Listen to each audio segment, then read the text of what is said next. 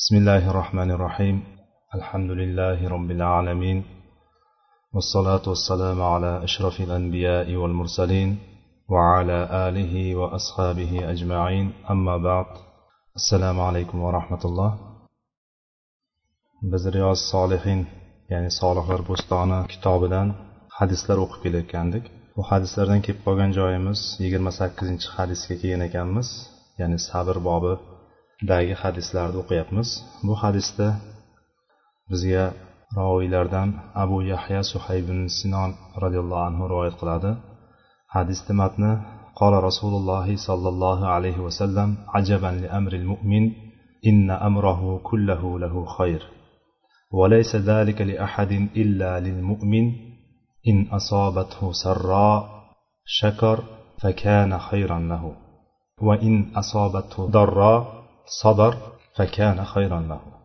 رواه مسلم bu hadisda abu yahyo suhayb ibn sinon roziyallohu anhu rivoyat qilyapti ya'ni biz bilganimiz suhaybi rumiy deb bilganimiz sahobiy rivoyat qilib beryapti bizga bu hadisni imom muslim o'zlarini kitoblarida keltirgan sahih hadis payg'ambarimiz sollallohu alayhi vasallam aytdilarki mo'minning ishi ajablanarli ya'ni mo'minni ishiga hayrat qilinadigan hayratomuzdir uni hamma ishi nima bo'ladi? Yaxshilik keltiraveradi.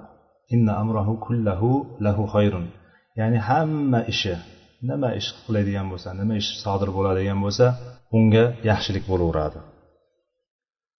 Agar unga xursand qiluvchi narsa yetsa o'rtada bir jumla qolib ketibdi. Afon ya'ni dedi payg'ambar sallallohu alayhi vasallam.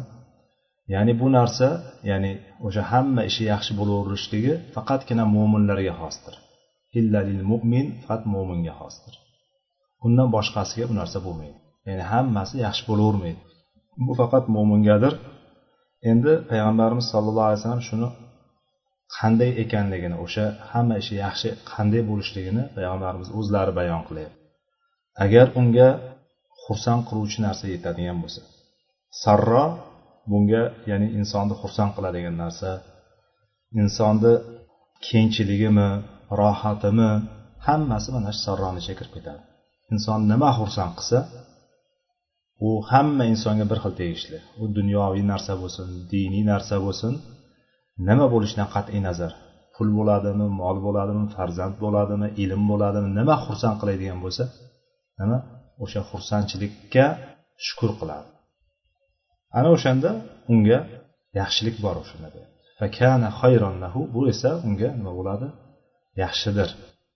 Agar unga bir darro darro bunga baxtsizlikmi yoqtirmagan narsasimi g'am g'ussami zarar beruvchi narsami o'sha narsa yetib qoladigan bo'lsa bunga sabr qiladi. Bu ham uning uchun yaxshi bo'ladi. Ya'ni sabr sabr qiladigan bo'lsa fakana hayron lahu bunga ham mana shu uchun ham sabr qilgani uchun ham unga yaxshilik yozilaveradi buni imom muslim rivoyat qildi.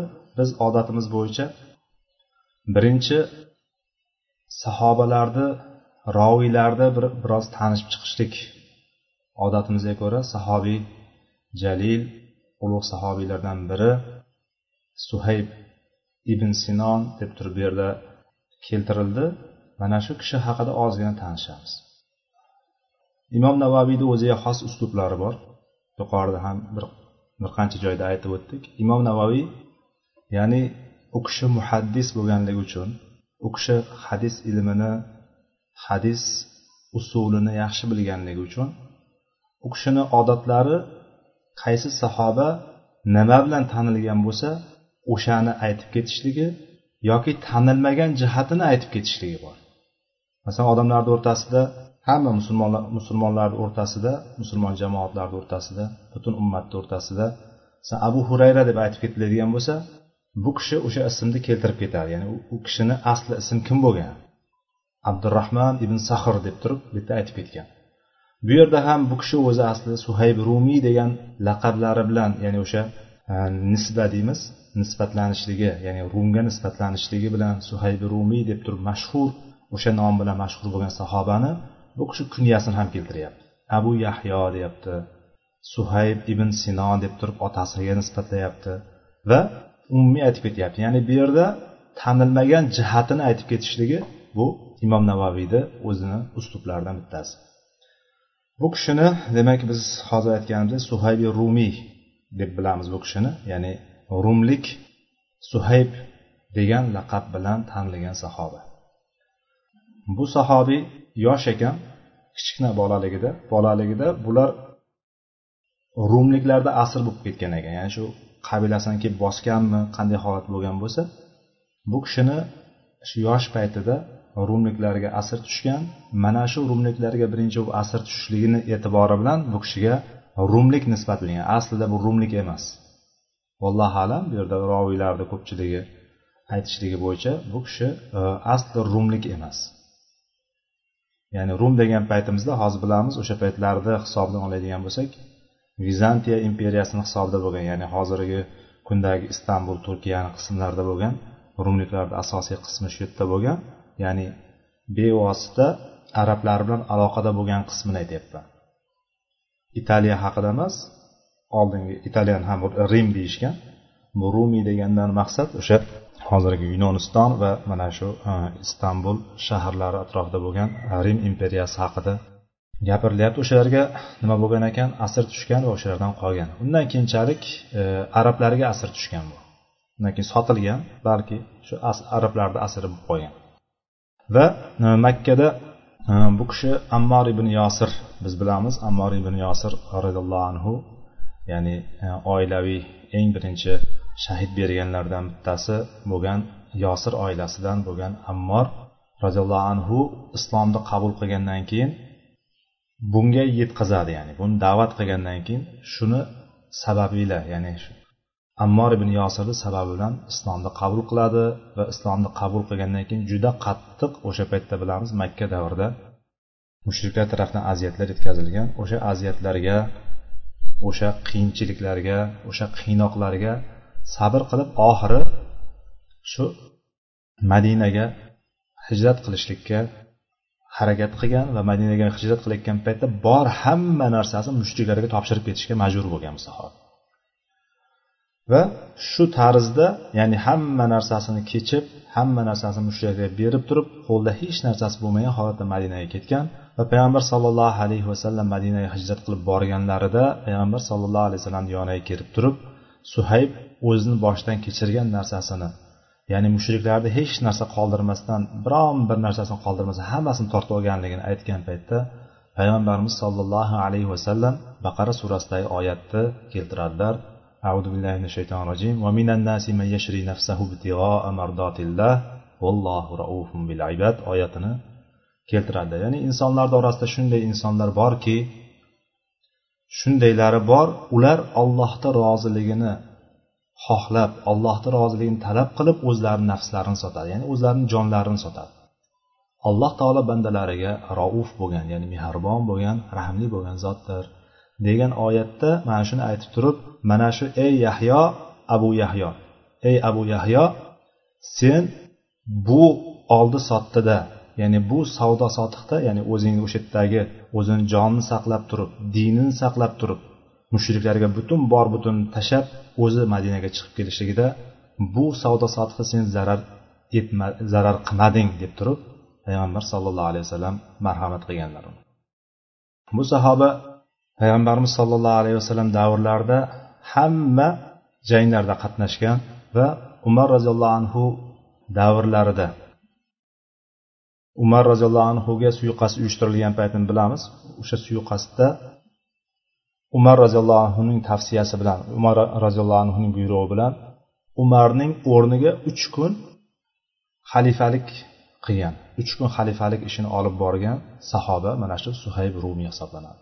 Ya'ni o'rtada bilamiz o'sha mm, istishora bo'lgan ya'ni o'zaro maslahat bo'lgan maslahatga o'rtaga hozirgi aytayotgandek saylov bo'lgan saylovga odamlar tayin qilgan odamlarni umar roziyallohu anhu tayin qilgan.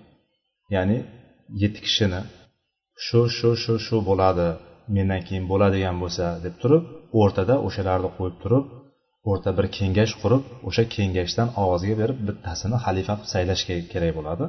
Mana shu holatda o'sha saylov tugagunicha bittasi xalifa bo'lib turib tayinlangunicha xalifalik ishini suhayb rumiy uch kun davomida bajargan. Bir kuni hazrati umar roziyallohu anhu u kishiga ya'ni suhaybga qarab turib hazil hazillashgan holatda seni bir farzanding bo'lmagan bo'lmasa ham seni abu, abu yahyo deb turib taniydi hamma ya'ni bolang yo'q lekin abu yahyo deb turib kunya berasan ya'ni yahyoning otasi degan kunyang bor.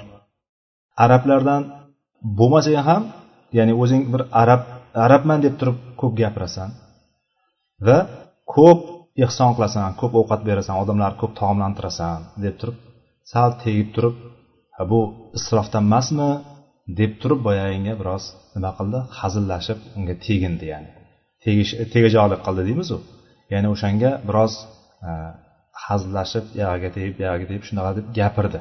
Umar roziyallohu anhu suhayb rumiyga suhayb rumiyda bir e, shu o'zini holati bor ekan duduqlanib gapirar ekan.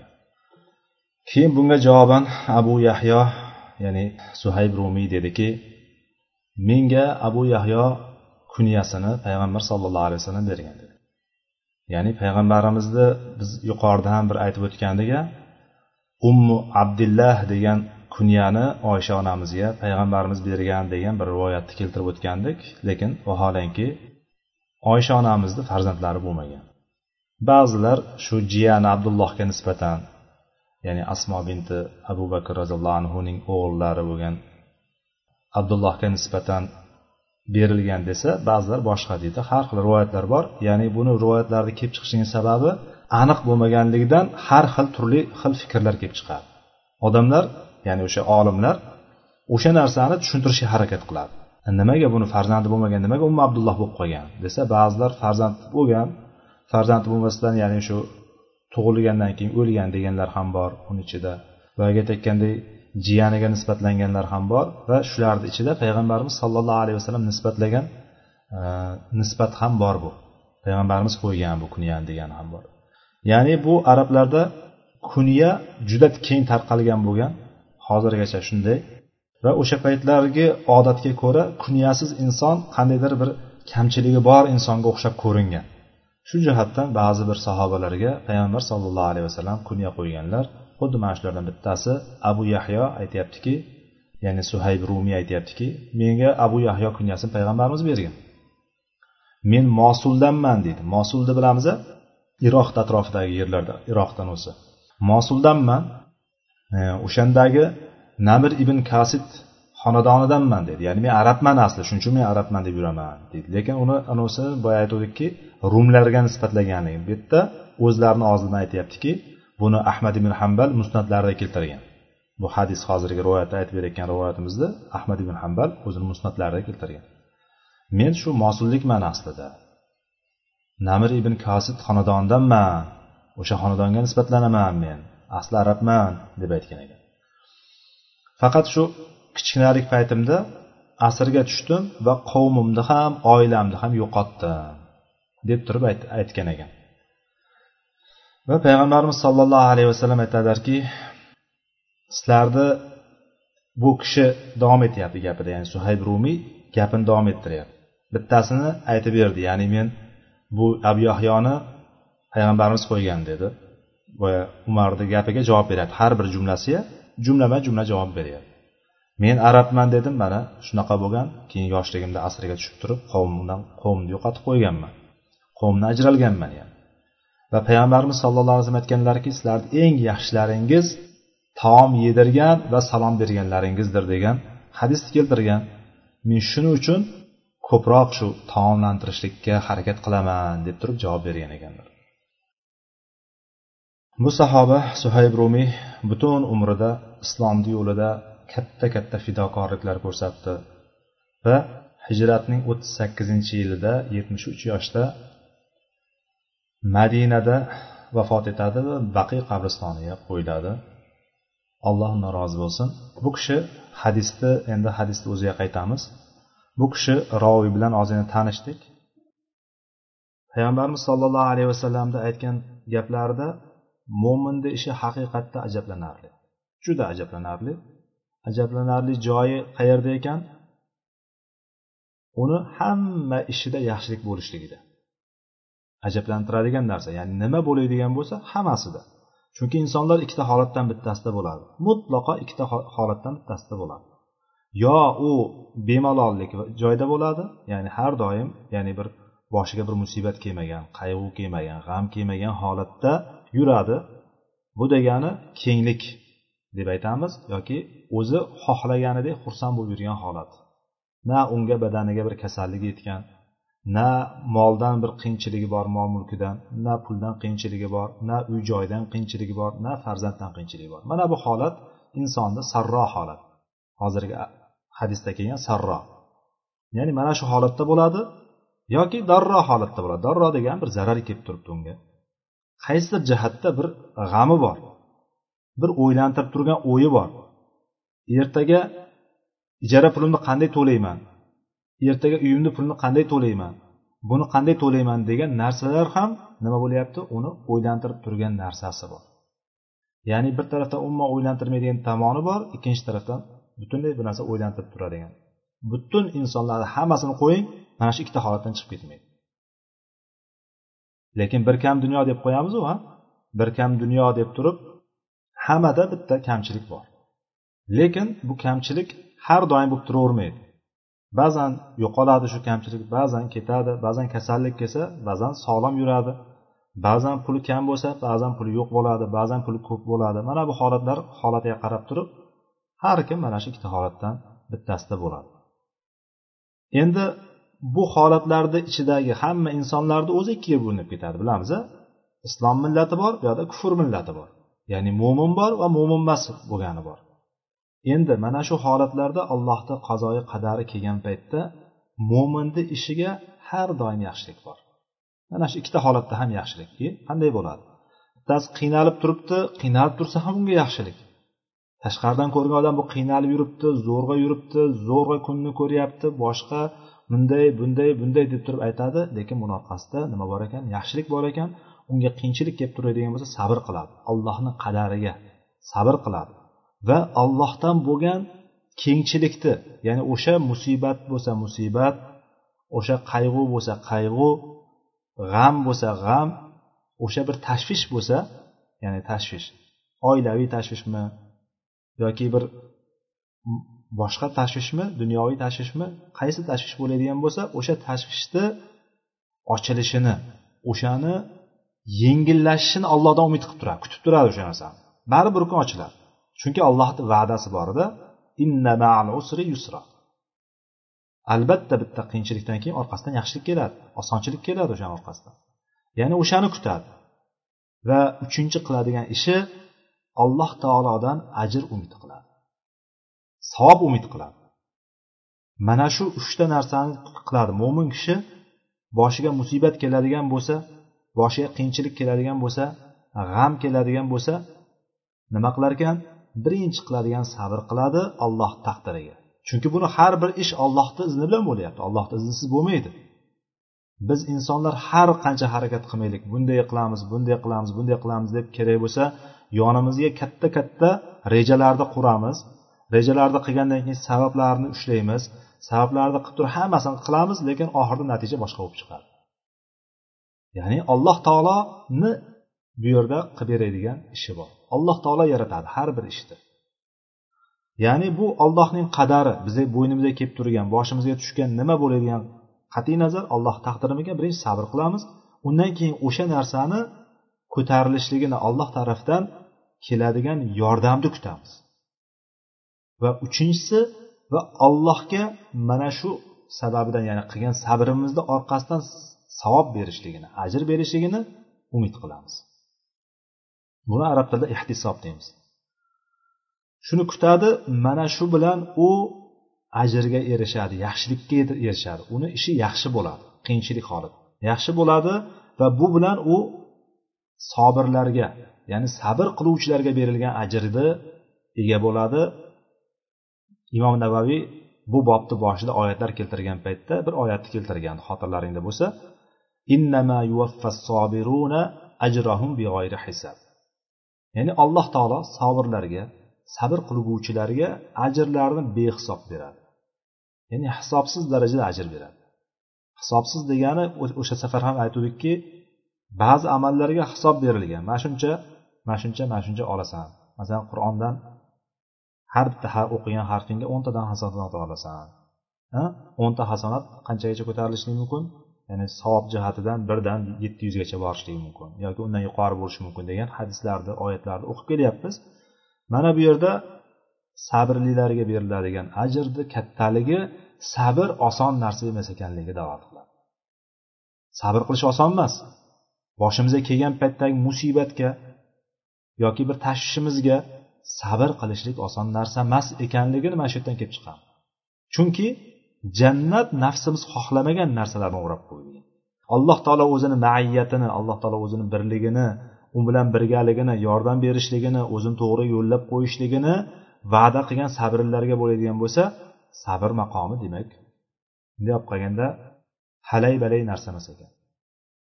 Ya'ni kichkina narsa emas ekan juda katta narsa ekan. Va keyinchalik kelib qoladigan bo'lsa ne'matga shukur qiladi. O'sha ne'mat berilgan ne'matga shukur qiladi. Biz bilamiz biz ollohni bergan ne'matlarini sanaydigan bo'lsak sanog'iga yetolmaymiz hech ham sanog'iga yetolmaymiz lekin mana shu ne'matga shukur qilishlik deylik diniy bo'lsin xoh bizga alloh taolo bir manfaatli ilm berdi. Shukur qilishimiz kerak. Bir amalni qila oldik bir solih amalni qila oldik. Unga shukur qilishimiz kerak. Endi yoki bir diniy bo'lmasa dunyoviy bir narsa keldi bizga. Ne'mat keldi. Mol keldi pulimiz ko'paydi alloh taolo maoshimizni ko'paytirib qo'ydi yoki bolalarimizni ko'paytirib qo'ydi yoki ya'ni bu aytganimiz hamma dunyo nimani sanab chiqadigan bo'lsangiz hammasini alloh taolo deb beradigan bo'lsa shukur qilishlik ana endi shukur nima bilan bo'ladi? Allohga shukur deb qo'yishlik bilan bo'ladimi? Yo'q. Allohning toatida turishlik bilan bo'ladi. Allohga itoatni yanada ko'paytirishlik bilan bo'ladi. Ibodatni kuchaytirishlik bilan bo'ladi. Allohni ne'matlarini tinimsiz xotirlashlik bilan eslab turishlik bilan bo'ladi. Va bu shukurni qaranglar. Bu shukur yana shukurni keltiraveradi. Nima degani bu? Ya'ni biz bir narsaga shukur qildikmi? Alhamdulillah shu narsani bildik. Alhamdulillah allohim o'zingga shukurlar bo'lsin o'zingga hamdlar bo'lsin deymizmi? Mana shuni aytishlikka nasib qilganligi uchun bu ham bir ne'mat. Ya'ni hammaga ham berilavermaydi. Alloh taolo shu narsani ko'rsatib qo'yib turib bizga berdimi demak bunga ham shukur kerak ekan. Ya'ni shukurni orqasidan shukur kelaveradi. Orqasi ulanib ketaveradi. O'sha ne'matni berganligiga shukur qilishlikni alloh taolo nasib qildimi? Alhamdulillah alloh taolo menga nasib qildi. Endi buni aytdikmi? Ya'ni alloh taolo buni ham ko'rsatib qo'ydimi? Alhamdulillah bu ham bizga deb turib shukurni orqasidan shukur kelaveradi. Ana endi kofirni ishichi kofirni ishi nima bo'ladi? Hamma ishi yomonlik. Nimaga? Unga kenglik keladigan bo'lsa u kenglik sababli oxiratda albatta azobini ko'radi. Ortig'i bilan ko'radi. Ya'ni bu dunyoda qiynalib o'tgan bo'lsa o'sha qiyinchilik torchiligi uchun ya'ni ne'matlari kam bo'lgani uchun kamroq oladigan bo'lsa ne'matlari bemalol bo'lib turgan qiyinchilikda bo'lib turganlari uchun shukur qilmaganligi sababli nima bo'ladi u? Ertaga albatta allohni azobiga giriftor bo'ladi alloh saqlasin. Qiyinchilik kelib qoladigan bo'lsachi musibat kelib qoladigan bo'lsa o'sha paytda o'zi birinchi o'rinda qilmaydigan sabr qilmaydi o'sha narsaga. Kerak bo'lsa undan norozi bo'ladi baqiradi chaqiradi o'ziga o'zi boyagi aytayotganday holimga voy deydi buni so'kadi uni so'kadi. Yo bo'lmasam boyagi aytayotganday so'kish darajasi maxluqlardan o'tib turib zamonni so'kib boshlaydi ishni so'kib boshlaydi. Buni so'kib boshlaydi. Hattoki nauzubillah alloh taoloni ham nimaga sen mana shuni menga berasan deb turib alloh taologa ham nima qiladi? Alloh taologa ham haqorat so'zlarni ishlatadi. Bu bilan kofirni ishi hammasi yomonlik bo'ladi. Mo'minniki butunlay teskarisi bo'ladi. Shuning uchun kofirlar nima yesa nima ichadigan bo'lsa albatta uni orqasida nimasi bor? Bir ergashib turgan gunohi bor. uning uchun albatta allohni huzuriga borganda albatta jazosini oladi hech ham shak shubha yo'q shuning uchun ularni berilayotgan ne'matlar sizlarni ajablantirmasin ularga sizlar qiziqib qolmanglar ularga qarab turib sizlar havaslanib qolmanglar deb turib alloh taolo bizni qaytaradi alloh taolo aytadiki قل من حرم زينة الله التي أخرج لعباده والطيبات من الرزق قل هي للذين آمنوا في الحياة الدنيا خالصة يوم القيامة كذلك نفصل الآيات لقوم يعلمون deb turib alloh taolo marhamat qiladi ya'ni payg'ambarimiz sallallohu alayhi vasallamga aytingki ularga ollohni bandalari uchun olloh bandalari uchun chiqarib qo'ygan allohning ziynatlari bor ya'ni bezak liboslar bormi yoki boshqa narsalar bormi ziynat liboslarni va toyibat minar rizq rizqlar bor Halol pokiza bo'lgan rizqlar bor bandalarga chiqarib qo'ygan. Aytingki ular mana shu bezak bormi halol rizqlar bormi? Hayoti dunyoda iymon egalari uchundir. Qaranglar bu narsa yer yuzida chiqarib qo'yilgan narsasi qul hiya lilladina amanu fil hayati dunya deyapti alloh taolo. Bu mo'minlargadir mo'minlarni nimasiga? Mo'minlarni foydasiga bular. Ya'ni oxirat uchun o'zlariga jannatdan ne'matlarni jannatdagi joylarni hozirlab olishlik uchun berilgan bir qo'llarida turadigan ne'mat bular. Dunyo hayotida. Kofirlargachi kofirlarga ham bor dunyoda. Kofirlar yemayaptimi? Yeyapti. Ichmayaptimi? Ichyapti. Yurmayaptimi? Yuryapti. Ya'ni bunday qarasa kofirlarni holati mo'minlardan bir necha barobar dabdabali bir necha barobar rohat farog'atni ichida yashayapti. Bo'lyapti lekin ular uchun nima bu? Bu azob bo'ladi. Mana shu oyatdan kelib chiqadigan narsa kofirlarni zikr qilmayotganligini tarafi ularni qilib turgan har bir ishi gunohligiga dalil bo'ladi deydi ibn usaymin rahimalloh ya'ni qul hiyalillazina amanu fil hayati dunya degan oyatdan kelib chiqadi. Kofirlarni qilib turgan nima yesa yesin nima ichsa ichsin nima kiysa kiysin qanday yashasa yashasin har bir holati gunohda bo'ladi alloh saqlasin. Qiyomatda bo'ladigan bo'lsa bu ne'matlar faqatgina mo'minlarga xos. Shuning uchun alloh taolo xolisatan yovmal qiyama dedi mo'minlarga xolis faqat mo'minlarga bo'ladi. Qiyomatda ne'mat degan narsani n harfi ham bo'lmaydi kofirlarga. Mana shunday deyapti mana shunday qilib turib biz biladigan qavmlar uchun yalamun biladigan qavmlar uchun biz mana shunday oyatlarimizni bir batafsil mufassal suratda keltirib qo'yamiz. Va shukur har bir narsaga shukur qilishlikda biz qancha shukur qiladigan bo'lsak alloh taolo o'sha ne'matimizni ziyoda qilib beraveradi beraveradi. Biz shukurni o'rganishligimiz kerak. Ne'matni ko'ra bilishligimiz kerak. Ne'matni ko'rolmayotgan bo'lsak ko'radiganlar ko'rsatgan paytda ko'rishligimiz kerak. O'zimizni bir nafsimizni bir sinashligimiz kerak. Qani menga ne'mat kelib turibdi. Shuncha ne'matim bor. Qara nima qilyapman? Shukur qilyapmanmi yo'qmi? Bunga oyatda keladiki alloh taolo aytyaptiki bu ibrohim surasini yettinchi oyatida va iz taazzana robbukum la in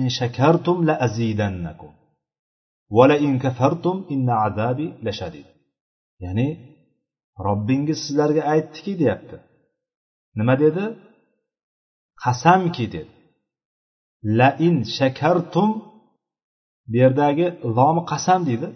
Qasam ichib aytyapti alloh taolo qasamki deyaptiki agar shukur qilsalaring in shakartum shakar shakartum ya'ni shukur qilsalaring lomi ta'kid bilan kelyapti nuni saqil ta'kid bilan ya'ni uchta ta'kid bilan kelyapti orqasidan. La azidannakum deyapti alloh taolo. Ya'ni biz o'zbek tiliga aytadigan bo'lsak albatta albatta albatta deb turib qayta qayta qayta ta'kid bilan kelyapti aslida bu arab tilini anavsini oladigan bo'lsak qoidasini balog'iy qoidasini o'zbek tiliga o'giradigan bo'lsak xotirjam bo'linglar. Qasamki albatta degani xotirjam bo'laveringlar.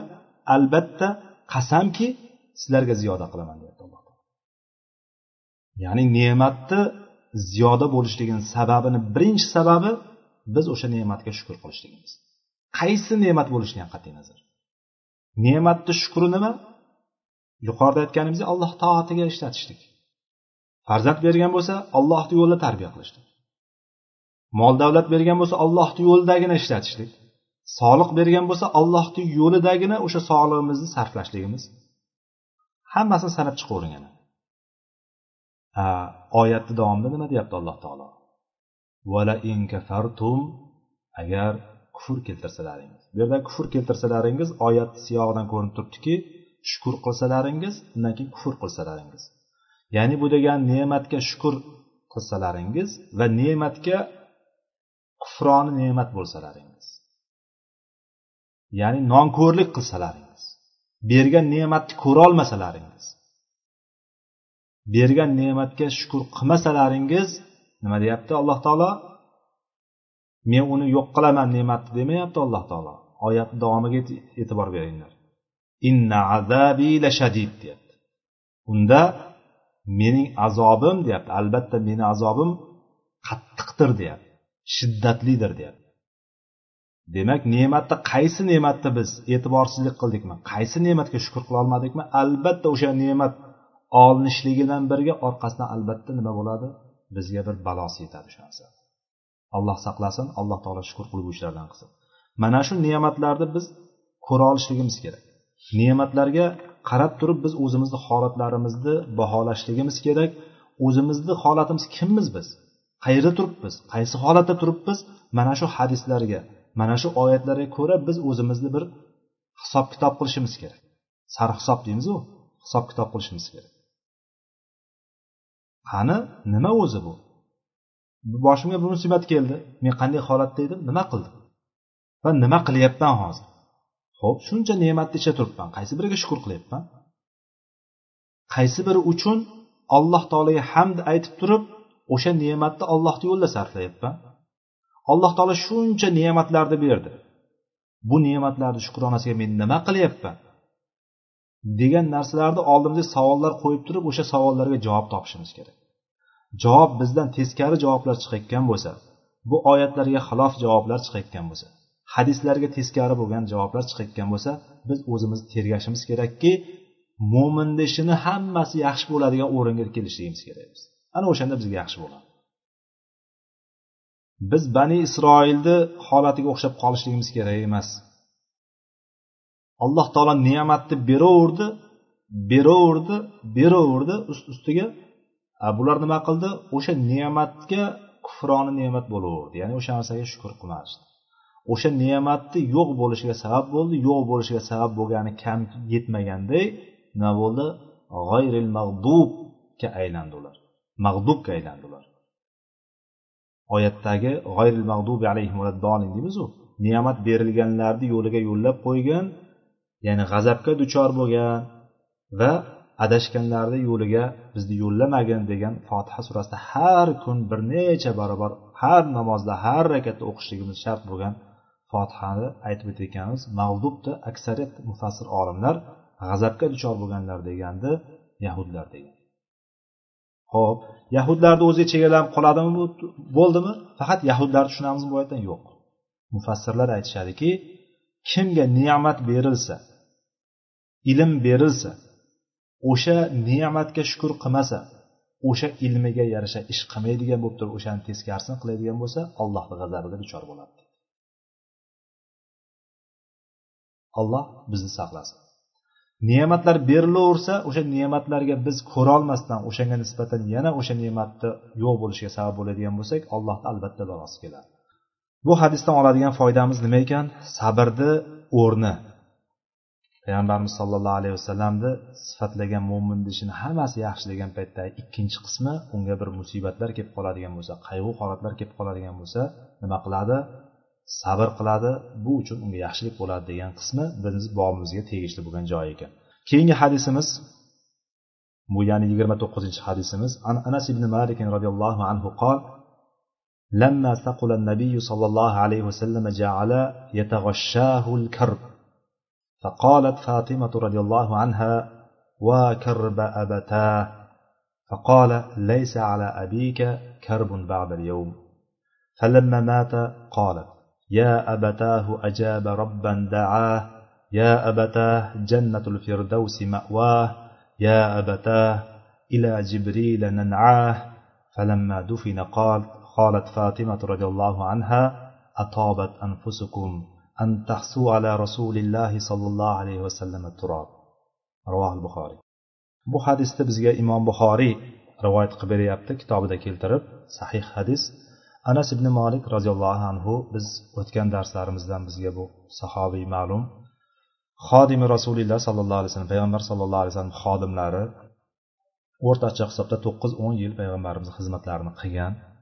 Madinadan kelganlaridan boshlab yosh sahobalardan madinaga kelganlaridan boshlab to payg'ambarimiz sallallohu alayhi vasallam allohga qovushgungacha bo'lgan ya'ni alloh huzuriga ketgunigacha bo'lgan. Dunyoni tashlab ketgunigacha bo'lgan holatgacha payg'ambarimiz xizmatlarida bo'lgan anas ibn molik bizga rivoyat qilib beryapti. Bu kishi e, dedilarki payg'ambar sollallohu alayhi vasallam og'irlashib ya'ni bu o'limlaridan oldingi vaqtdagi holatlar haqida gapirilyapti. Og'irlashib mashaqqat ya'ni butun qiyinchilik u kishini chulg'ab olganida ya'ni karb deyapti. Ya'ni butun qiyinchilik u kishini o'rab oldi. Ya'ni shunaqa bir og'ir holatga tushib qolgan paytda ya'ni bilamiz hushlariga kelib hushlaridan ketib mana shunaqa holat bo'lib turib ya'ni og'ir e, shu kasallikni og'ir mashaqqatini payg'ambarimiz sallallohu alayhi vasallam o'sha ko'rganlar o'shanda fotima onamiz payg'ambarimiz sallallohu alayhi vasallam qizlari eng yaxshi ko'rgan qizlari va payg'ambarimiz sollallohu alayhi vasallamdan keyin qolgan zurriyotlaridan bitta fotima onamiz qolgan. Mana shu fotima onamizdan kelyapti. Aytyaptilarki yonlarida o'tirganlar voy otamni aziyat chulg'ayapti dedi ya'ni o'sha paytda. Eh otaginam ya'ni aytdiki va karba yak yak va karba abata dedi. Ey otaginam bunchalar buyuk mashaqqatingiz bo'lmasa deb turib o'sha paytda nima u kishini holatiga achindilar. Payg'ambarimiz sallallohu alayhi vasallamni ko'rib turib ko'zlarini yonidagi holatini payg'ambar bo'lishini qo'yib turgan taqdirimizda ham inson o'zini eng yaqin odami otasi bo'ladi. Masalan otasi ham unga ko'p yaxshiliklar qilib turgan otasi bo'ladigan bo'lsa ana o'sha holatni bir tasavvur qilsak bilamiz buni. Nimaligini? Hammamiz otamiz onamiz bor bo'lsa alloh taolo ofiyat bersin. O'tib ketgan bo'lsa alloh rahmat qilsin. Bilamiz kimligini. Qandayligini bilamiz. O'sha o'tirgan paytda bo'p ham payg'ambarimizdek otasi bo'lgan. Ya'ni farzandlariga shunaqa mehribon bo'lgan otasi mana shunday holatda ko'zini yonida so'lib boryapti. Qiyinchilik shunaqa qattiq bo'lyapti. Kasallik o'sha holatda ko'rib turib achinib ketdi ya'ni otasi shu gaplar og'zidan chiqdi ya'ni. Bunchalar mashaqqatsiz qattiq bo'lmasa. Devorgan paytda payg'ambar sallallohu alayhi vasallam aytdilarki mana shu kundan keyin ya'ni bugundan keyin bu kundan keyin otangizga g'am ham yo'q aziyat ham yo'q. Ya'ni karbun o'sha mashaqqat g'am aziyat bularni hech qaysisi yo'q dedilar. Ya'ni mashaqqatni bilamiz shu dunyoda mo'min kishi uchun. Oxiratda mo'min kishi uchun rohat bu ham payg'ambarlarni joylari eng yuqori manzilatdagi jannatda bo'ladi. Bu kishi aytyaptilarki bugundan keyin otangizga g'am ham g'am anduh aziyat yo'qdir dedilar. Keyin endi bu yerda hadisni roviy keltiryapti ketma ketlikda keltiryapti. Shuning uchun fa bilan bog'layapti. Falammamat ya'ni vaqtiki qachonki payg'ambarimiz sallallohu alayhi vasallam vafot etganlarida deb ketyapti. Bu fa ketma ketlikda keltiryapti. Ya'ni bu gaplar o'tgandan keyin bo'lganligini keltiryapti. Bu gaplar o'tgandan keyin balki soatlar o'tgandir balki kun o'tgandir olloh bilguvchi lekin hadisda shunday tushunib olinglar demoqchimanda. Bu shunday kelgan ekan demak o'sha paytda o'zi jon beribdi degani kelib chiqmaydi bundan ya'ni ma'lum bir vaqt o'tganligini ham keltiradi. Arab tilini qoidalari bo'yicha fa qisqa muddatga beradigan bo'lsa o'sha bir ish tugasa orqasidan kelishlikni bildirsa summa degan yana bitta kalima bor so'ngra degan. So'ngra degani ma'lum vaqt o'tgandan keyin ya'ni uzoqroq muddat o'tganligini bildirsa endi bitta fa mutlaqo orqama ketim bo'lganligini keltirib chiqarmaydi yani. Orqama ketimligini bildiradi ya'ni bu so'z aytilgandan keyin bo'lganligini yuzaga keltiradi. Ya'ni shu so'zlar aytilib bo'lingandan keyin payg'ambar sallallohu alayhi vasallam vaqti o'ldi. Olamdan o'tdilar o'shanda fotima onamiz yana aytdilar. Endi bu yerda bir she'riy tarzda bir so'zlar aytdilar. Ya abata ajaba robban daa ya abata jannatul firdavsi ma'va ya abata ila jibrila nan'a deb turib o'sha paytda o'zida marsiyat o'qiyordi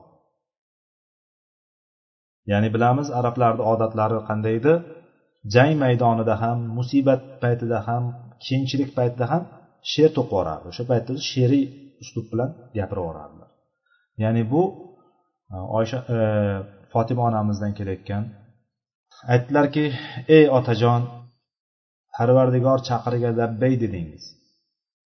Ya abata ajaba robban daa sizni chaqirgan robbingizga ijobat qildingiz. Ya abata jannatul firdavsi ma'va ey otajon jannat firdavs jannati borar joyingiz deb ey otajon jibrilga ya'ni ila jibrila nana sizni o'limingizni xabarini beramiz. Ya'ni bu degani nima? Jibril alayhissalom kelib turardi payg'ambar sallallohu alayhi vasallamni yoniga doimiy suratda. Ya'ni vahiy olib kelib turardi. Ya'ni bu kishi o'shani aytib turgan jibril kelsa endi sizni o'lganingizni xabarini beramiz deyapti. Jabroil jibril degani masalan jabroil ishlatadi ba'zilar jibril ishlatadi. Jabroil degan kalima ko'pchilik olimlarni fikrida.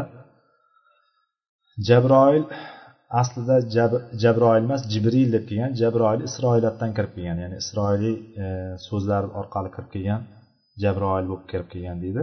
Aslida bizni kitoblarimizda kelgan qur'onda hadislarda kelgan jibril kalimasidan kelgan. Shuning uchun mm, biz ham ba'zi o'rinda jibril deb ketayotgan bo'lsak ajablanmanglar jibril alayhissalom deb keladi. Ho'p jibril alayhissalomga biz sizni o'limizni xabarini beramiz dedi. Keyin ma'lum falamma yana bitta fa keldi mana. Yana shu o'lganlardan keyin bilamiz qolib turib janoza o'qilindi. Bu janozalar aytilinmayapti. Sahobalar har bittasi kirib o'qishdi tashqarida o'qishdi u yerda o'qishdi namoz janozalar o'qishdi. Bu holatlarni hammasini bilamiz eshitganmiz. A bu yerda bo'lsa borib turib dafn qilib kelganlaridan keyin dafn payg'ambarimiz sallallohu alayhi vasallam dafn qilib kelganlaridan keyin fotima roziyallohu anhu yana aytdi. Nima dedi? Atobat anfusukum an tahsu ala rasulilloh sollallohu alayhi vasallam turob rasulullohni ustlariga rasululloh sollallohu alayhi vasallam ustlariga tuproq sochishga qanday qo'llaring bor? Sahobalarga nisbatan ya'ni ichidan achinganligi shunchalik o'sha narsani qanday hazm qilyapti? Ya'ni shunday musibat kelib turgan paytda bilamiz musibatdagi inson o'zini eng yaqin odamini yo'qotgan paytdagi holatini tasavvur qilyapmiz. O'sha tasavvurdagi holatda fotima onamizni gaplari nima deyapti? Sahobalarga nisbatan qarab aytyaptilarki rasulullohni ustlariga tuproq sochishga qanday qo'llaring bor bunga qanday rozi bo'ldilaring dedilar. Mana bu hadis imom buxoriy bizga rivoyat qildi. Bu hadisni imom navaviy bu o'rinda keltirdi. Bu o'rinda bizga bu hadisni keltirib ketdiki buni sabrga aloqali nima joyi bor? Sabrga aloqali joyini masalan hozir hadisda o'qigan bo'lsak bir o'lim bo'lib ham eng katta mo'minlar uchun eng katta musibat bo'lgan payg'ambar sollallohu alayhi vasallamni o'limlari haqidagi bir holatni bizga keltirdi. Lekin bu yerda sabrni qilganligi yoki sabrga chaqirilgan joyni biz ko'rmayapmiz chunki bu yerda fotima onamizni payg'ambarimizga achinganlari va fotima onamizni achinib turib payg'ambarimiz olamdan o'tganlaridan keyin u kishiga nisbatan aytgan she'rlari ya'ni marsiyalarini va ularni u kishi u zotni ko'mib kelganlaridan keyin nima qildi? Sahobalarga nisbatan aytgan gaplari keltirilyapti. Bu holatda e, hadisda birinchi o'rinda payg'ambar sollallohu alayhi vasallamni holatlarini olamiz. Payg'ambar sollallohu alayhi vasallamni holatlarini o'zidan chiqaramiz birinchi musibatlarni faqatgina boyagi aytayotgandek gunohkor kishilarga kelishligi degan narsa yo'q. Yoki faqatgina gunohlar gunohkor kishini bir qilgan qo'ldan kelgan ishlari uchun qilgan ishi amali uchun kelyapti degan narsa yo'q. Ya'ni bu holat ikki xil holat bo'lishligini mana shu hadislardan bizga dalolat bo'ladi. Ya'ni payg'ambar sollallohu alayhi vasallamdek zot alloh taolo avvalgi va keyingi gunohlarini kechirib qo'ygan zotga alloh taolo mana shunday katta katta mashaqqatlarni bergandi. Ya'ni bir safar bilamiz payg'ambarimiz sallallohu alayhi vasallamni qattiq boshlari og'rib turgan paytda sahobalardan biri kirib turib o'sha yerda payg'ambarimiz boshlarini og'riyotganligini qattiq og'riyotganini ko'rib boshlariga bunday bog'lab olgandilar. Boshlarini qattiq siqib bog'lab olgandilar o'sha og'riqni kamaytirishlik uchun. Shunda yo rasululloh sizni ham boshingiz boshi og'riydi ekan qattiq og'riydi ekan a deydilar. Shunda payg'ambar sallallohu alayhi vasallam nima deydilar? Menga sizlardan ikki kishini ya'ni men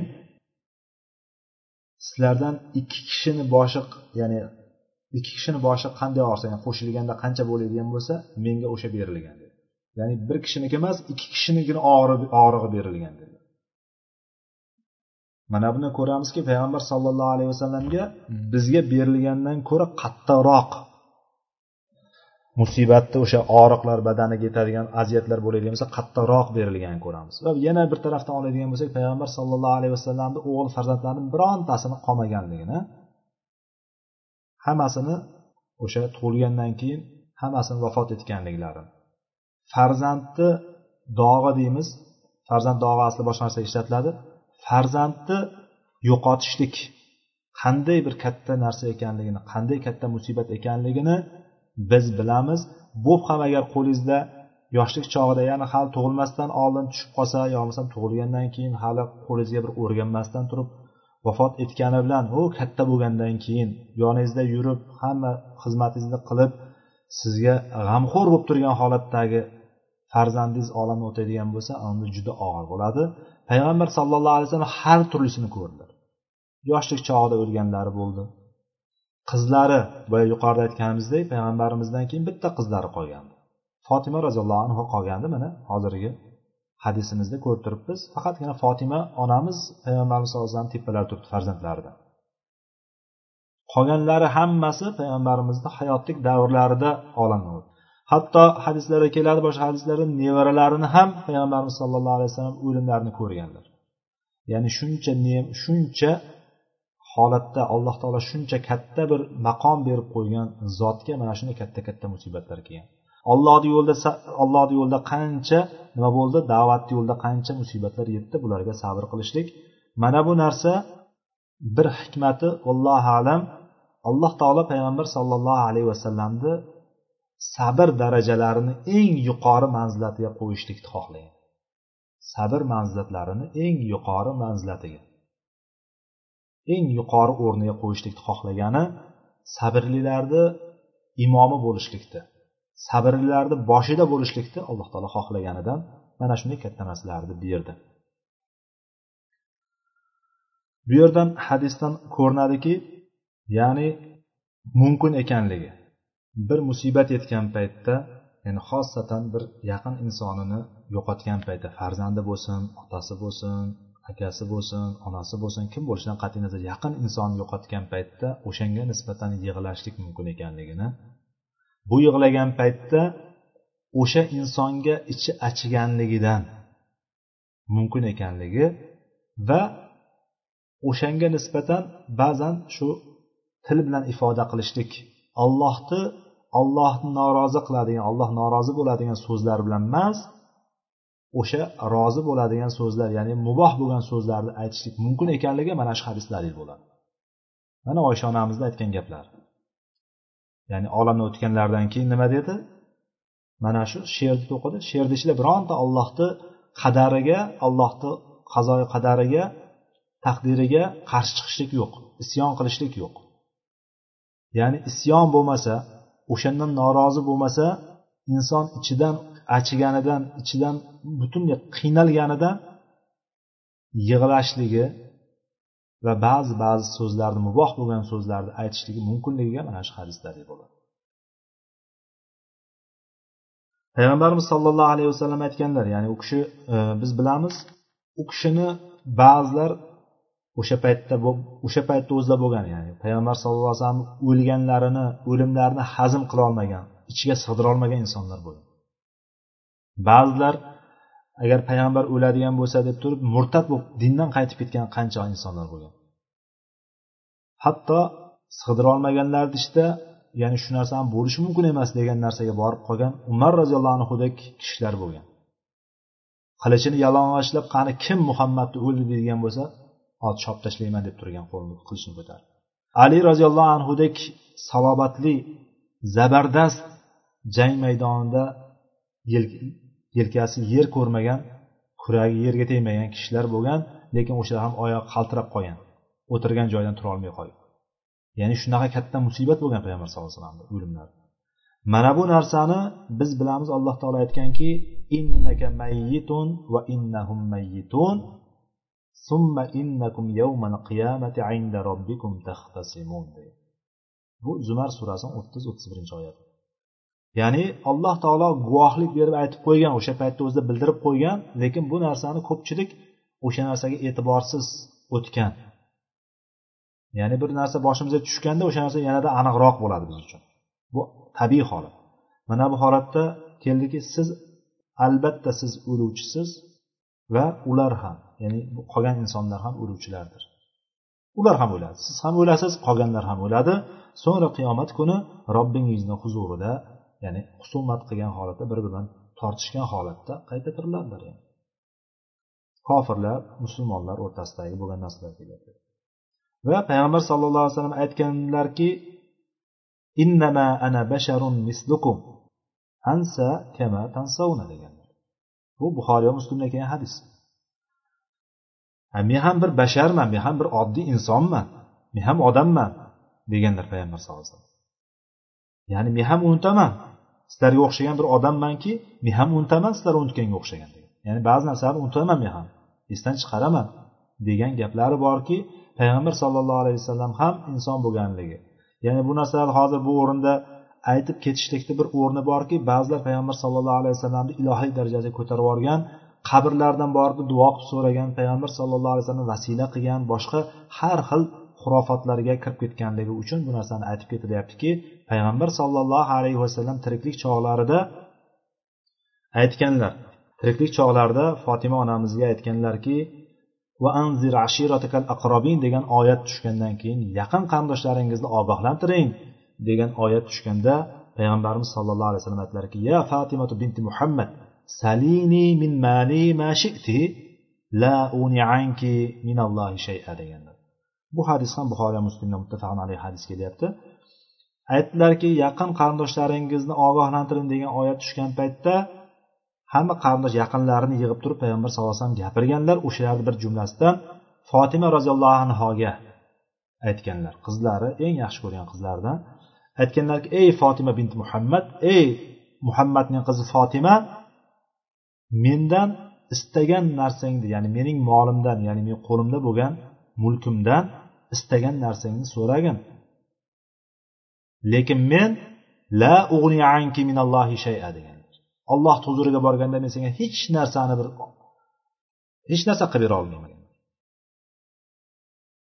Ollohni huzuriga borganda hech narsa qilib bera olmayman. Ya'ni meni payg'ambarligim senga hech qanaqa manfaat bermaydi agar sen allohga iymon keltirmaydigan bo'lsang. Allohga tavhidda o'lmaydigan bo'lsang allohga shirk keltirmagan holatda o'lmaydigan bo'lsang meni payg'ambarligim senga hech narsa qilib bera olmaydi. Hatto payg'ambar sollallohu alayhi vasallam o'zlarini qizlariga shunday deb turgandan keyin hatto qizlariga hech narsa qilib bera olmasligini aytib turgandan keyin endi qolgan insonlarni gapirmasa ham bo'laveradi. Qolgan insonlar qayerdayu? Qizlari fotima qayerda? Shuning uchun har bir inson o'zi uchun o'zini kelajagi kelajak degan paytimizda bu hayotdagi kelajak emas haqiqiy kelajagimiz bo'lgan oxiratimiz uchun yaxshigina tayyorgarlik ko'rishimiz kerak. Va payg'ambarimiz sallallohu alayhi vasallam bironta meros qoldirmadilar. Va payg'ambarlar o'zi meros qoldirishmaydi. Inna ma'sharal anbiya la nuras. Ma tarakna sadaqatun deganlar payg'ambar sallallohu alayhi vasallam. Bu ham buxoriy va muslimda kelyapti. Muslimda hadis ekan faqat. Muslimda kelayotgan hadis bunda dedilarki biz payg'ambarlar biz payg'ambarlar ya'ni biz payg'ambarlar jamoasi ya'ni hamma payg'ambarlar demoqchi. Biz meros qoldirmaymiz dedilar. Ya'ni bu mulk jihatidan gapirilyapti. Bu ilm din meros qolgan bu bunga shubha yo'q. Lekin bu tarafi aytilyapti. Bu meros biz qoldirmaymiz bizdan qolgan nima bo'ladigan bo'lsa matarokna sadaqatu biz qoldirgan narsa ham bo'lsa ham u ham sadaqadir degan. Ya'ni egalariga topshirib yuboriladi. Mana bu hadisdan demak payg'ambar sallallohu alayhi vasallamgaki shunday katta musibatlar yetganligini e, biz oldik va mana shu narsadan biz bir tarafini tushunib emas kelayotgan musibatni har tomonini ko'ra olishligimiz alloh taolo darajalarimizni ko'tarishni xohlaydigan bo'lsa bizga musibatlar berishligini bor ekanligi va o'sha musibatlar kelgan paytda yig'lashlik mumkin ekanligi va o'sha narsani hazm qilishlik kerak ekanligi kelib chiqyapti. Undan keyingi hadisimizda an abi zaydin usomat ibn zayd ibn harisa مولى رسول الله صلى الله عليه وسلم وحبه وابن حبه رضي الله عنه قال أرسلت بنت النبي صلى الله عليه وسلم إن ابني قد احتدر فاشهدنا فأرسل يقرئ السلام ويقول إنا لله ما أخذ وله ما أعطى. وكل شيء عنده بأجل مسمى. فلتصبر ولتحتسب. فأرسلت إليه تقسم عليه ليأتينها. فقام ومعه سعد بن عبادة ومعاذ بن جبل وأبي بن كعب وزيد بن ثابت ورجال رضي الله عنهم. فرفع إلى رسول الله صلى الله عليه وسلم الصبي فأقعده في حجره ونفسه تقعع ففاضت عيناه فقال سعد يا رسول الله ما هذا؟ فقال هذه رحمة جعلها الله تعالى في قلوب عباده وفي رواية في قلوب من يشاء من شاء من عباده وإنما يرحم الله من عباده الرحماء. متفق عليه حديث. Bu hadisni bizga usomat ibn zayd roziyallohu anhu rivoyat qilib beryapti. Usoma roziyallohu anhuni hayotlari biz bilamiz hali kelmadik lekin mayli hadisimizni roviysi bo'lgani uchun ozgina tanishtirib o'tayin usoma roziyallohu anhu bu kishi zayd roziyallohu anhu zayd ibn horisa roziyallohu anhuning o'g'illari payg'ambarimizning suyuklilari payg'ambarimiz yaxshi ko'rganlari yaxshi ko'rganining o'g'li yaxshi ko'rganining o'g'li yaxshi ko'rgan usoma deb kelyapti. Bu kishi ham nisbatlab ketyapti sifatlab ketyapti. Ya'ni hibbihi vabni hibbihi deyapti. Ya'ni bu boya aytganimdek kim? Imom navaviyni o'zini uslublari. Yanada bu asli hadisni matnida yo'q bo'lsa ham roviyni qisqacha tanitib ketadi bizga abu zayd ekanligini aytdi. Usomat ibn zayd horisa mavlosi ekanligini payg'ambarimiz sallallohu alayhi vasallamni va payg'ambarimizni yaxshi ko'rgani va yaxshi ko'rganini o'g'li ekanligini bizga aytib ketyapti. Ya'ni payg'ambar sollallohu alayhi vasallam zayd ibn horisani bilamiz hadisha roziyallohu anhu bilan turmush qurganlaridan keyin zaydni nima qiladi zaydni xodim qilib payg'ambarimiz sallallohu alayhi vasallamga hadya qiladi. Ya'ni qul bo'ladi zayd uni xodim qilib turib unga hadya qiladilar payg'ambarimiz sallallohu alayhi vasallamga payg'ambarimiz sallallohu alayhi vasallam uni ozod qiladilar shuning uchun payg'ambar sallallohu alayhi vasallamga mavlosi ya'ni payg'ambarimizni ozod qilgan qullari mavlo deganda ikki xil nazarda tushuniladi. Arab tilida mavlo degani ham xo'jayinga nisbatan ham ozod qilingan qulga nisbatan ishlatiladigan ayni kalima. Bu yerda payg'ambarimiz sallallohu alayhi vasallam ozod qilgan qullari zaydning o'g'li usoma payg'ambarimizni yaxshi ko'rganlari va yaxshi ko'rganlarning o'g'li. Ya'ni zaydni ham payg'ambar sallallohu alayhi vasallam juda yaxshi ko'rganlar va usomani ham juda yaxshi ko'rganlar. Shuning uchun bu kishiga laqab o'qigan hibbu rasulillah deb turib payg'ambar sallallohu alayhi vasallamga nisbatlangan. Payg'ambarimizni yaxshi ko'rgan kishisi degan laqabni olgan sahoba bizga rivoyat qilib beryapti. Payg'ambarimiz sollallohu alayhi vasallam u bilan nevaralari hasanni quchoqlariga olib turib ollohim men bularni ikkalasini yaxshi ko'raman. Sen ham ularni yaxshi ko'rgin deb turib aytganliklari rivoyatlari keladi. Usama roziyallohu anhu yoshligidan yoshligidan ya'ni hech qanday butga sig'inmagan shirk ko'rmagan shirk qilmagan johiliyatni amallarini birontasiga aralashmaganlardan bittasi hisoblanadi. Hijratdan keyin yosh bo'lganligi uchun janglarga qatnashmagan. Janglarga qatnashganlaridan makka fathi makka fathida ishtirok etganligi rivoyatlarda keladi. Va payg'ambarimiz sollallohu alayhi vasallam bilan bir bo'lgan voqeani rivoyat qilinadi. Usomat ibn zayd zaydni bir holati bir janglardan bittasini o'zi aytib beradi. Biz ikkalamiz bir jang maydonida jang maydonida biz jang qilayotgandik. Yonimda bir madinadan bo'lgan bir musulmon kishi bor edi. Biz bir mushrikni orqasidan taqib qilib bordik bordik. Hattoki uni bir joyga borib turib siqishtirib qo'ydik. Bir joyga tutdik uni. Ya'ni bir joyga borgandan keyin qochadigan joyi qolmadi. O'sha payt endi o'ldiramiz deb tursak la ilaha illalloh dedi boyagi mushrik shunda boyagi madina madinalik musulmon shu payti qilichini ya'ni qilichini qiniga soldi. Ya'ni qilichini boyagi o'ldirmoqchi bo'lgan qo'lini ko'tarib turgan qilichini orqaga qaytardi. Men bo'lsam u o'zini jonini saqlab qolmoqchi bo'lyapti. Shunaqa maqsadda kalima tavhidni aytdi. La ilaha illalloh tushuncha aytdi deb turib o'yladimda o'ldirib tashlandi. Boya kallasini olib tashlagan. Keyin qaytguncha payg'ambar sallallohu alayhi vasallamga bo'lgan voqeani aytib berildi. Mana shunaqa bo'ldi deyilgan paytda payg'ambarimiz sallallohu alayhi vasallam ey usoma la ilaha illalloh degan bittasini ham o'ldirdingmi?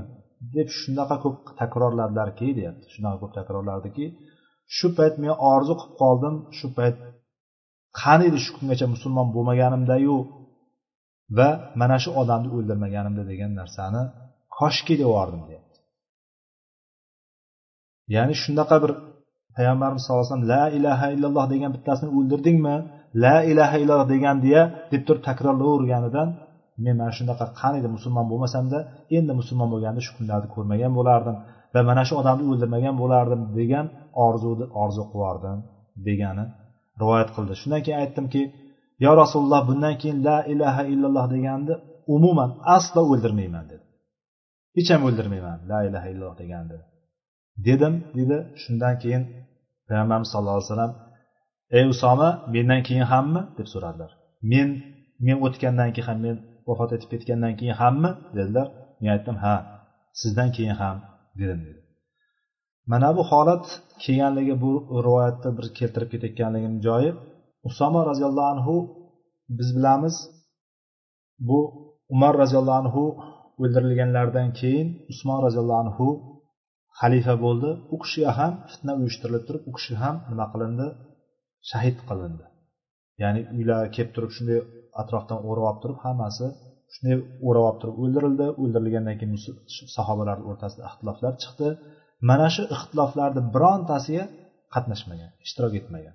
Sababi nima? Mana shu hadisdan deb bilsak o'rinli bo'ladi. Ya'ni la ilaha illalloh degan birontasini nima qilmayman dedi? O'ldirmayman dedi. Sizdan keyin ham deb turib va'da berdi.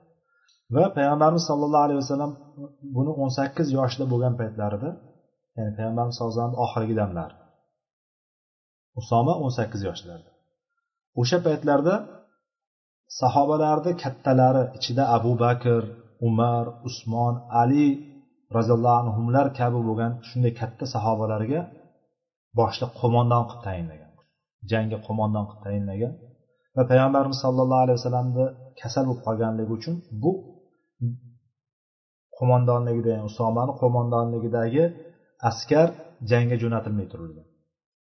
Va payg'ambarimiz sallallohu alayhi vasallam vafot bu o'rtada vafot etadilar va abu bakr payg'ambarimiz sollallohu alayhi vasallamni buyruqlarini amalga oshirishlik uchun abu bakr bu ishni qiladilar davom ettiradilar va o'zgartirmaydilar. Payg'ambarimiz sollallohu alayhi vasallam tayinlagan payg'ambarimiz sallallohu alayhi vasallam tayin qilgan qo'mondonni men o'zgartirmayman deb turib o'sha qo'mondonligi o'z holatda qoladi va qo'mondon bo'lib turib ketib turib o'zini ishini a'lo darajada bajarib keladi.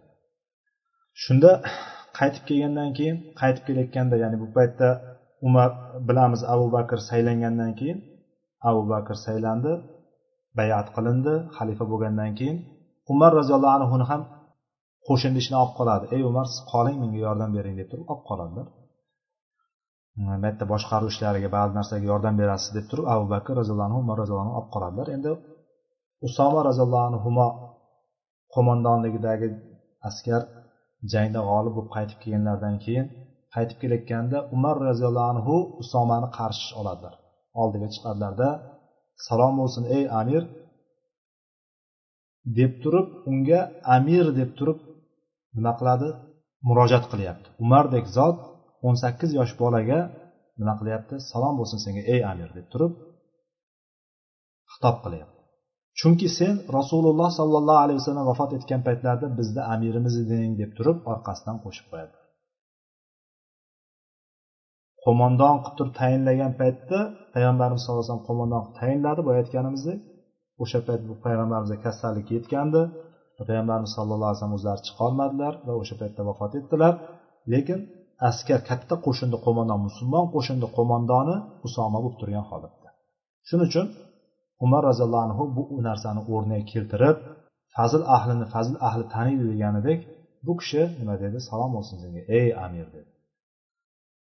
Ya'ni e, payg'ambar sallallohu alayhi vasallam bilan o'n sakkiz yigirma yil yonida yurgan usoma ibn zayd payg'ambarimizdan bir yuz yigirma sakkizta hadis rivoyat etgan. Mana shulardan bir o'n beshtasini buxoriy muslim o'zlarini hadislar hadis kitoblarida keltirgan ekanlar. Va payg'ambarimiz sallallohu alayhi vasallam so'zlari keladiki olloh va rasulini sevgan kishi olloh va rasulini sevgan kishi usomani sevsin deganlar ya'ni olloh va rasulini yaxshi ko'rgan inson usomani yaxshi ko'rsin deganlar alloh undan rozi bo'lsin. Bu sahoba oltmish yoshlarida vafot etgan ekan ellik to'rtinchi hijriy yilda. Biz hadisimizni matniga qaytamiz. Hadisni matnini tarjima qilmadik hadisda payg'ambarimiz sollallohu alayhi vasallamning qizlaridan bittasi. Bu qizlarni kim ekanligi rivoyatlarda aytilmagan. Biz ham aytmasdan o'tib ketamiz. Ya'ni mana shu joyda ochiqlamagan o'sha narsani bayon qilmagan imom navaviy ham aytmay ketgan va sharhlarimizda ham ko'pida mana shu narsalar sharhlarni ko'rmadim men hammasiniku ammo riyoz solihin sharhlarida keltirilmagan ekan. Biz ham demak qizlardan bittasi. Odam yuborib o'g'lim o'lim to'shagida yotibdi. Bizni oldimizga keling deb turib payg'ambar sallallohu alayhi vasallamga bir odam jo'natdi. Payg'ambarimiz sollallohu alayhi vasallam qizlariga salom yo'llab ya'ni salom aytinglar qizimga. Va orqasidan aytdilarki oluvchi ham beruvchi ham ya'ni olish ham berish ham allohga xosdir. Allohnikidir har bir narsani nima deydi har bir narsani allohning huzurida belgilagan bir vaqti bor. Aytinglar qizimga sabr qilsin. Va savobini umid qilsin. Savobini umid qilsin. Val tahtasib dedi. Ya'ni tahtasib savob umid qilsin. O'sha qilgan ishidan sabrdan savob umid qilsin deb turib jo'natib yubordilar bunga borgandan keyin qizlari yana odam jo'natdi. Ya'ni bolani qo'lidagi qo'ynidagi bir go'dagini qiynalib ketayotganini ko'rib turib payg'ambarimiz sollallohu alayhi vasallam balki kelsa bir narsa qilib beradimi degan umidda shu narsani yana qaytadan jo'natib turib yana qasam ichib jo'natdi. Ya'ni allohga qasam kelmasa bo'lmaydi deb turib jo'natdi. Rasululloh sollallohu alayhi vasallam o'rnlaridan turdi. Shundan keyin shu kelgandan keyin oxiri o'rnlaridan turdilar va u zot bilan birga sad ibn uboda moz ibn jabal ubay ibn kab zayd ibn sobit va boshqa bir qancha kishilar bor sahobalar bor edi roziyallohu anhu. Ular borishdi. Shunda payg'ambar sollallohu alayhi vasallamga haligi go'dakni berildi uzatildi. Payg'ambarimiz sollallohu alayhi vasallam bu go'dakni quchoqlariga oldi. Go'dak o'sha o'lim talvasasida edi ya'ni. O'lim talvasasida balki nafasi siqilib jo'shib jo'shib turayotgan paytda edi bitta yerda taqoqqa deb keltirdi bu yerda. Ya'ni o'sha o'lim bilan olishib turgan holat. O'lim talvasasida edi buni ko'rib payg'ambar sallallohu alayhi vasallam ko'zlaridan yosh oqdi. Ya'ni payg'ambarimiz sallallohu alayhi vasallam yig'ladilar shunda saad ya'ni sad ibn uboda yuqorida sad ibn uboda deb birinchi keldi yuqorida shu saad aytdiki ya rasululloh ma hada? Ey rasululloh bu nimasi? dedi. Bu nimasi? degani ajablanib so'rayapti. Bu nima bu nima deb turib payg'ambarimiz yig'laganlariga ajablanib so'rayaptiki yig'lashdan qaytarar edingizku demoqchi ya'ni. Kinoiy savol bo'lyapti bu. Ya rasululloh bu nimasi? deb so'radilar. Payg'ambar sallallohu alayhi vasallam unga nima deb javob berdilar? Bu ollohning rahmatidir. Uni bandalarning qalbida paydo qilgan narsadir dedi hadihi rahmatun ja'alahallohu taala fi qurubi ibadihi dedilar. Ya'ni bu shunday bir rahmatki alloh taolo o'zining bandalarini qalbida bu narsani qilib qo'ygandir bu narsani qilgandir deb turib payg'ambarimiz sallallohu alayhi vasallam javob berdilar. Va boshqa rivoyatda bo'ladigan bo'lsa bandalardan xohlagan kishisining qalbida buni paydo qiladi dedilar. Ya'ni hammaga ham berilavermaydi demoqchi ya'ni. Bandalardan xohlaganini qalbiga qo'yadi degandan keyin va innama yarhamullohu min ibadihi ruhamah dedi. Va alloh taolo rahmli bandalarigagina rahm qiladi dedi. Rahmli bandalarigagina rahm qiladi deb turib aytdilar bu muttafaqun alayh hadis ekan buxoriy va muslimda kelgan hadis. Mana bu o'rinda biz e, darsimizni vaqti biroz cho'zilib qoldi. Э, bu o'rinda keltirib ketadigan narsamiz bu hadisni imom navaviy keltirdi. Yuqoridagi hadisga bevosita bog'liq joy. Yuqoridagi hadisda fotima onamizni holatini keltirdiku o'shanga bevosita bog'liq joyi. Bu yerda endi qizlarini holatiga payg'ambarimiz sallallohu alayhi vasallam birinchi aytayotgan narsalari boringlar. Aytinglarki val tasbir val tahtasib dedi. Ya'ni unga aytinglar beruvchi ham olloh oluvchi ham olloh ya'ni. Inna lillahi ma axoda va lahu ma ato dedi.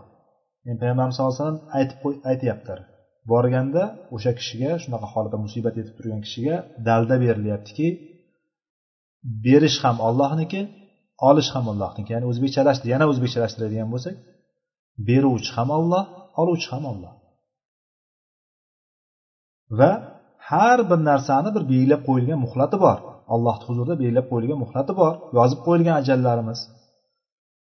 Yozib qo'yilgan rizqlarimiz hamma narsamiz belgilab qo'yilgan. Ya'ni har bir narsani muddati kelgan paytda alloh taolo oladi. Ya'ni beruvchi xohlagan paytda oladi. Beruvchi ham oluvchi ham olloh dedi va orqasidan aytinglar sabr qilsin dedilar. Val tasbir fal tasbir val tahtasib va ihtisob qilsin. Ya'ni savob umid qilsin dedilar. Ya'ni shu yerdan kelib chiqadiki mana shu hadisdan oladigan asosiy narsamiz urg'u berishim kerak bo'lgan joy. Ya'ni biz sabr ko'pchilik sabr qiladi. Sabrda har xil ko'rinish bor. Hali hadislarimizni oxiri davom etaversak sabrdan ancha narsa ko'p olishimiz kerak bo'lgan narsa ko'p. Hozir aytayotganimiz sabr. Inson sabrda sabr qiladi. Chidaydi. O'sha narsaga chidayman deydi. O'sha chidaganligiga o'sha o'zini nafsini tiyganligiga ollohdan savob umid qilmaydi. Mana bu bilan ajrni ya'ni savobni sabrning savobidan quruq qolishligi ehtimoli bor. Albatta umid qilishlik kerak. Allohdan mana shuni qilyapmanmi? Allohim mana shu narsaga men sen mana shu sabrga buyurgansan sabr qilishga chaqirgansan men sabr qilyapman deb turib shuni orqasidan menga sabrlilarga beradigan ajrni bergin degan narsa qalbda turishligi kerak. Mana shu bilan mukammal bo'ladi. Shuning uchun payg'ambar sallallohu alayhi vasallam aytyaptilar sabr qilsin va nima qilsin deyapti? Ixtisob. Ya'ni o'shandan savob umid qilsin deyaptilar. Asosiy narsa mana shu yerda undan keyingisi payg'ambar sallallohu alayhi vasallam yonlariga o'zlari borgandan keyin bolani holatini ko'rib turib payg'ambarimiz ham chiday olmadi. Payg'ambarimiz sallallohu alayhi vasallam yig'ladilar. Mana shu yig'laganligi insonni fitratiy holati bu. Insonni yaratilganday holat. Ba'zilar bag'ri tosh qilib yaratilgan. Hech narsaga umuman tap tortmaydi. Har qanday ishni qiladi va hech narsa ko'zidan bir yosh ham oqmaydi. Alloh taolo rahmda olib qo'ygan bo'lsa undan. Kim aybdor? Ya'ni shuncha aytdilarki alloh taolo o'zi xohlagan bandalariga beradi bu rahmni dedilar. Va orqasidan rahm qilgan band bandalarni ichida rahamli bo'lganlariga alloh taolo rahm qiladi dedilar. Ya'ni biz rahm qilamizki rahmga sazovor bo'lamiz. Alloh taoloni marhamatiga sazovor bo'lamiz. Qachon? Qachonki biz boshqalarga rahm qila olsak boshqalarga ishimiz achiy olsa demak bu hadisdan ham ko'rinadiki yig'lash mumkinligi bu yig'laganda ham allohni qazoyi qadariga allohning qadariga norozi bo'lib yig'lashlik emas bu. Bu yig'lashlik o'sha yetgan musibat kimga yetib turibdi? O'shanga anavi qilishlik ya'ni o'shanga qayg'urishlik o'shanga achinishlik jihatidan. Yig'lashlik joiz ekanligi hatto payg'ambar sollallohu alayhi vasallamni yig'lagan ekanliklari aytib turib so'raganlarida bu ollohni bandalariga bergan qalblariga qo'yib qo'ygan qalblarida paydo qilgan bir rahmatidir deb turib aytganlari ya'ni marhamati insonni achishinishi deb turib aytgan ekanlar darsimizni shu yerda to'xtatamiz biroz yanada kengaytirsa bo'lardi vaqtimiz torayib qolganligi uchun inshaalloh keyingi hadisimiz uzuncha hadis ekan سبحانك اللهم وبحمدك أشهد أن لا إله إلا أنت أستغفرك وأتوب إليك وآخر دعوانا أن الحمد لله رب العالمين